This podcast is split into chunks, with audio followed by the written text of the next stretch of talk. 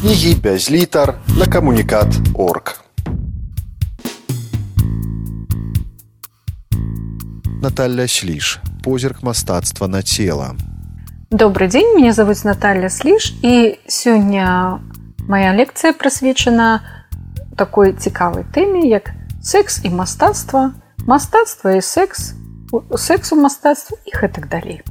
І гэта, пра гэта я гаворвала ў сваёй кніжцы, якая называецца культура сексуальных стасункаў у вялікім княстве літоўскім у 16 17 стагоддзі менавіта вот хацела бы звярнуць увагу на вокладку гэтай кніжкі, якая взята менавіта з іконы, якая знаходзіцца у Італіі у каталіцкім францішканскім касцёле у Флоренцыі.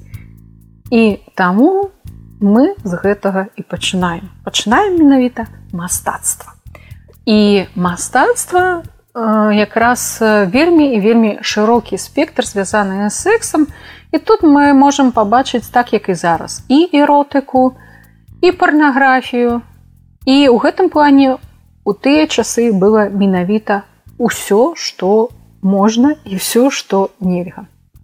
Чаму менавіта я пачынаю з італіі і менавіта закранаю гэту італьянскую тэму. Якраз такі 16 стагоддзя гэта рэнесанс. У італіі ён пачынаецца раней гэта другая палова 15 стагоддзя.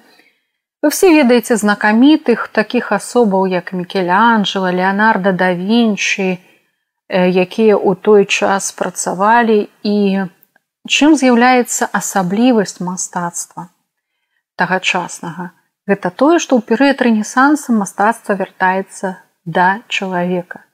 І яна вяртаецца да ідэалаў грэцыі і рыму. І якраз такі вельмі шмат.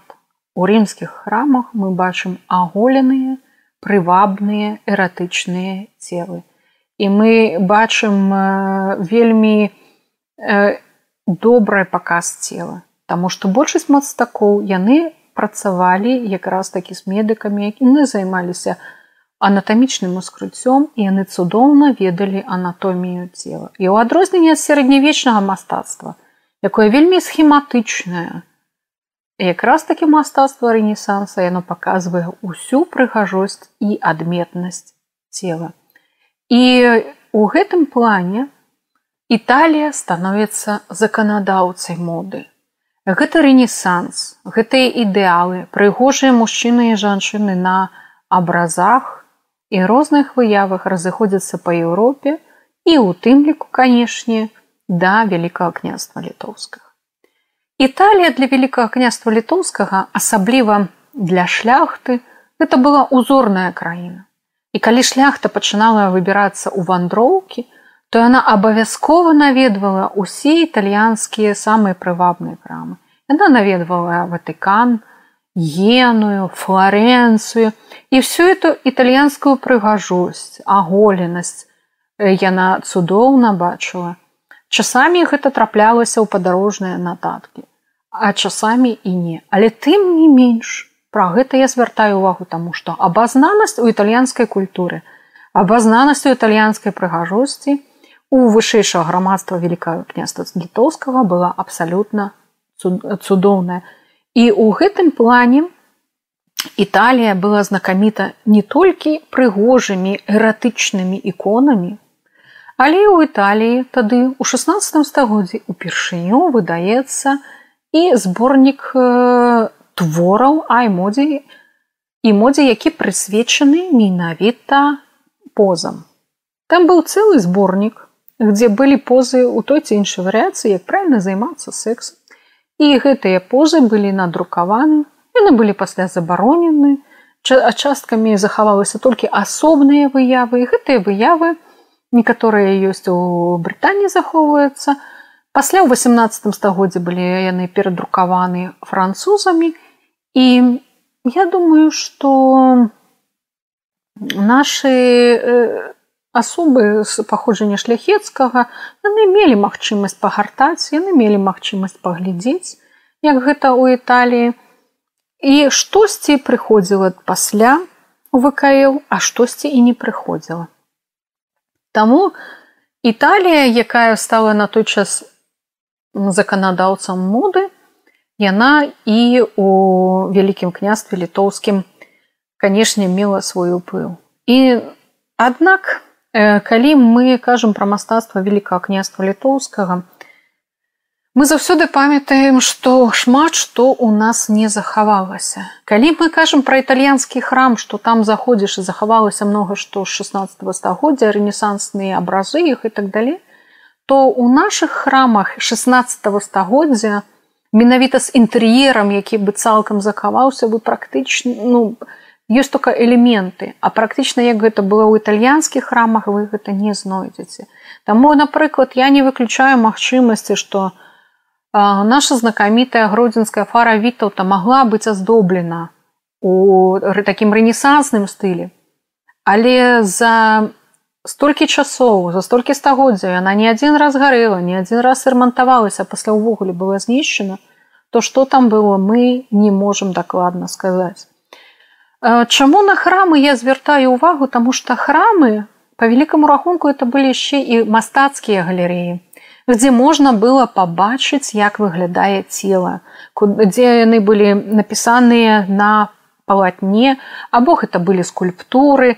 І якім чынам прадстаўлялася гэта цела і калі мы бачым цела Хрыста то яно як правіла вельмі часта мы можемм пабачыць гэта укрыжаванае з павязкай аголенае цела Хрыста яно з'явілася толькі некалькі разоў у скульптуры. Адзін з іх аўтар это мікелянджела во флоренцыі эта скульптура захоўваецца. Пасля гэта было рабіць забаронена Калі мы кажам пра іншыя выявы, то ў асноўным у праваслаўных храмах мы бачым абразы візантыйскага стылю, дзе цела абсалютна ўсё закрыта. І аголеным можам пабачыць толькі твар і ручкі. Але ёсць асобныя сюжэты, дзе немагчыма было быць апранутымі. Гэта сюжэты Адама і Евы. І вот што з гэтымі рабіць, але прыходзілася іх паказваць. І, напрыклад, гэтай сюжэты Адама і Евы мы толькі захавалася у як бы выявах пазнейшых бо сам манастыр знішчаны это утопічскім манастыры. Пасля калі мы открываем біблію брэскую на вокладцы адам і ева аголеныя ну і некаторыя рэчы как бы могуць з'яўляцца у скульптурах напрыклад у алтары з вёску з вёскі мохавічы які захоўваецца ў музеі старабеларускай культуры ў мінску. А яшчэ калі браць касцёлаў то вельмі цікавы касцёл які паступнасці весь аздоблены скульптурамі гэта петра і паула ў вільні. Там можна пабачыць на полуаголены мужчын барочныя цела якія не хударлявыя такія вось антычныя а менавіта такого барочнага. Это мужчынскія цела. Юнакі якія поджарыя або жаночыя ёсць скульптуры. Таксама там ёсць і анёлкі якія абдымаюцца і цэлуюцца. Але гэта вот не так часта мы такія рэчы сустракаем. Але тым не менш храмы гэта былі такія мастацкія галерэі якія былі і ў нас. то адзінае што мы я азначаю што кампазіцыйна вельмі мала дзе ў нас што захавалася. У нас только асобныя захаваліся як бы фрагменты. І большасць у нас інтэр'ераў конечно не рэнесансныя а гэта інтэр'еры барочныя. Яшчэ адзін такой момант на які таксама варта звярнуць увагу гэта прыватныя галерэі. І тут уже мы пераходзім да партрэтаў або да карцін. Зноў жа калі я ўзгадывала італію, то у італіі на той час і было вельмі распаўсюджана і свае партрэты пісаць аголенымі або у выглядзе багоў як нептуна. І гэта рабілі партрэты асобы з вышэйшага грамадства там італьянскага французскага. Наши партрэты і наши мужчыны былі убраны цалкам у іх не было аголенага цела. У іх былі яны былі цалкам апранутыя яны паказвалі сваё паходжанне паказвалі свае пасады і вы гэта можете цудоўна пабачыць на партрэце льва сапегі Канстанціна астрожскага і шэрагу іншых асобаў адзіны такой партрэт які адрозніваецца і ён якраз быў змешчаны ў кнізях это партрэт ген генрыха валезы які прадстаўлены ў еўрапейскім касцюме калі у яго былі цалкам абцягнуты ногі а ў адной з гравюр якая захоўваецца ў музеі у варшаве там дамаляваны шчычэлес поэтому такія рэчы таксама у нас сустракаліся І, канешне, еўрапейскі партрэт і наш партрэт это, канешне, вельмі розныя рэчы і якраз у нас партрэты выконвалі функцыю рэпрэзентатыўную і партрэты і сармацкія, пахавальныя і фундацыйныя партрэты яны былі па тэме і аголенага цела вы там не пабачыце, як гэта было ў еўрапейскай культуры. Позірк мастацтва на цела чытае аўтарка Наталля сліш. Яшчэ адзін момант, калі можна было ў нас пабачыць аголенае цела. Но як бы гэта аголенае цела, чаму яно ў нас не было ў партрэтах, а вот у пэўных сюжэтах аголенае цела са старажытнасці у сярэднявечы было это сімвал грэху. І вот у якасці сімвала грэху, можна бы гэта было пабачыць у розных фресках або іконах якія мелі да, дачынення да страшнага суду да апошняга суду дзе прадстаўлены грэхі і вось якраз там з'яўляюцца аголеныя цела. У нас напрыклад у повацку у храме ефрасі святой ефрасіні там ёсць э, менавіта асобны сюжэт які можна аднесці да гэтай катэгорыі грэшнікаў і там аголеныя цела. Таксама аголеныя цела ў якасці вот грэху і сораму сустракаецца менавіта ў радзіваўскай летапісы у адным сюжэту і можа быць і сувязі з гэтым сімвалізмам таким сярэднявечным было звязана што ў нас у не было распаўсюджана вот э, гэтая ідэя прадстаўляць аголенае цела. Хаця шляхта ездзіла за мяжу шляхта цудоўна ведала традыцыі еўрапейскія но тым не менш напрыклад у тым же самым сармацкім партрэце мы еўрапейскія тэндэнцыі не сустракаем. Еўрапейскія тэндэнцыі мы сустракаем у прыватных галерэях Адна з самых вядомых апісаных галерэяў гэта спіс карцін людвікі караліны радзівілаўны. У яе прадстаўлены агромны пералік карцін. І бачна што гэтыя карціны пакупаліся за мяжою хутчэй там за ўсё ў італіі. Вельмі рэдка або не ўзгадваецца увогуле аўтары гэтых карцін але сюжэт.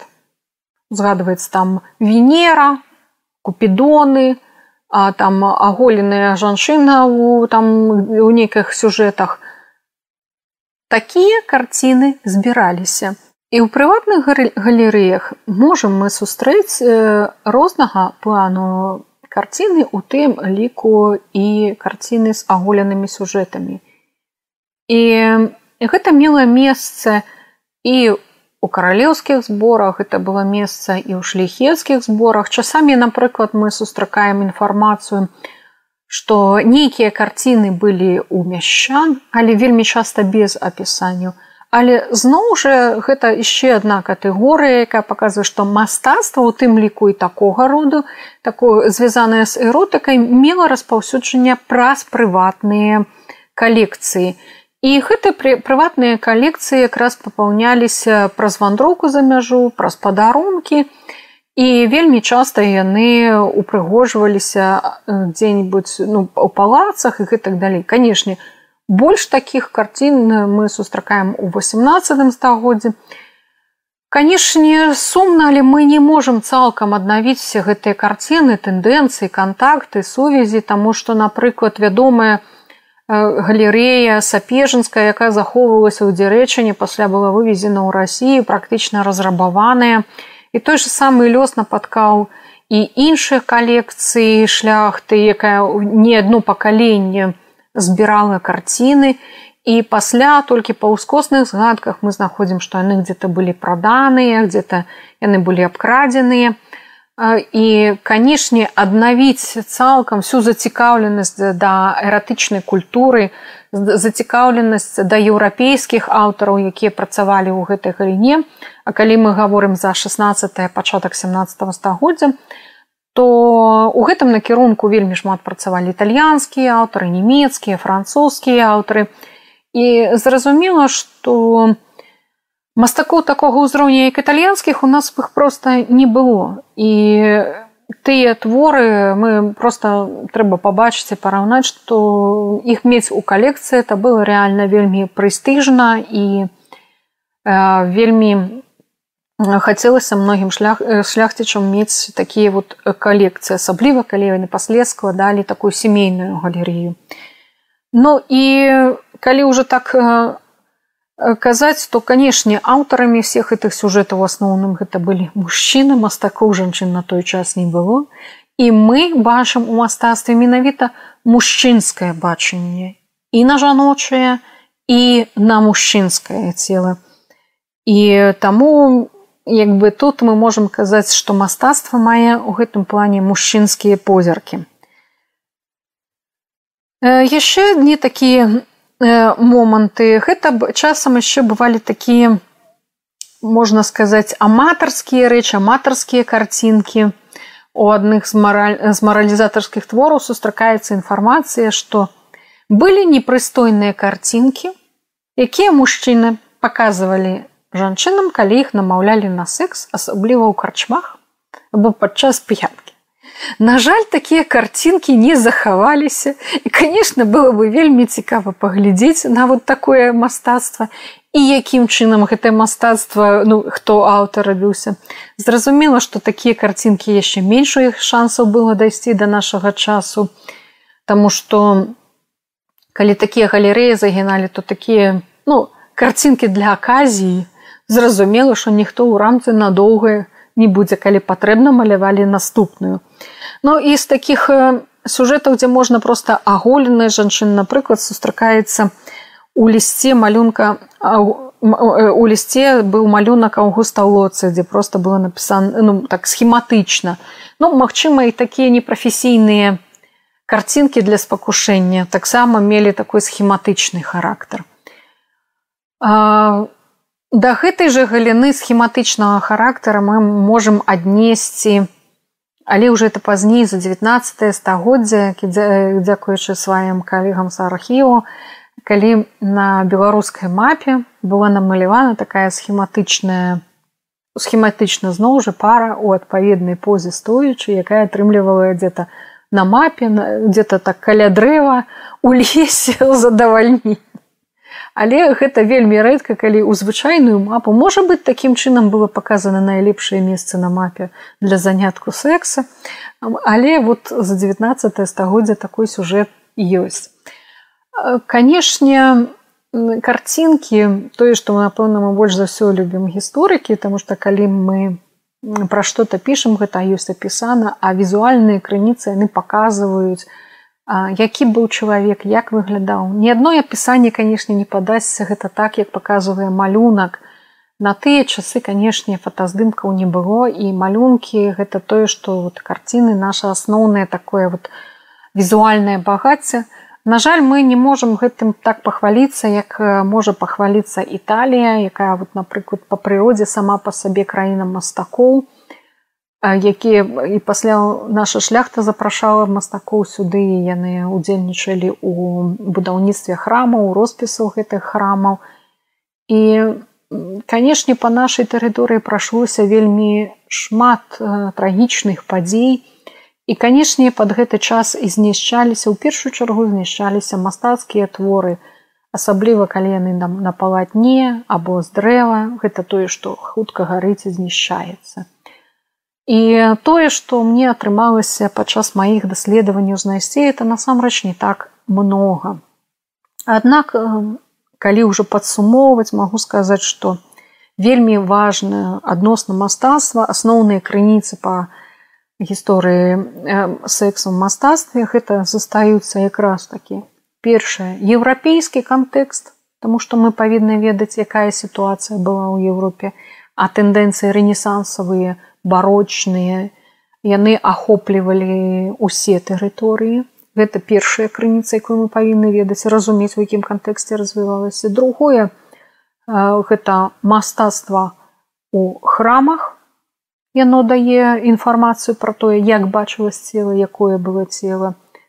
Гэта кніжнае мастацтва гэта аздоба ў кнігах тому что мы там сустракаем цяжа цікавыя сюжэты. і канешне все што можна было ў гэтай галіне это гравюры гэта нейкія нататкі гэта нейкія заўвагі на палях вот гэтай партреты і так далей Ну і таксама пісьмовыя крыніцы якія нам расказваюць якім чынам што захоўвалася якія партреты захоўваліся або якія карціны.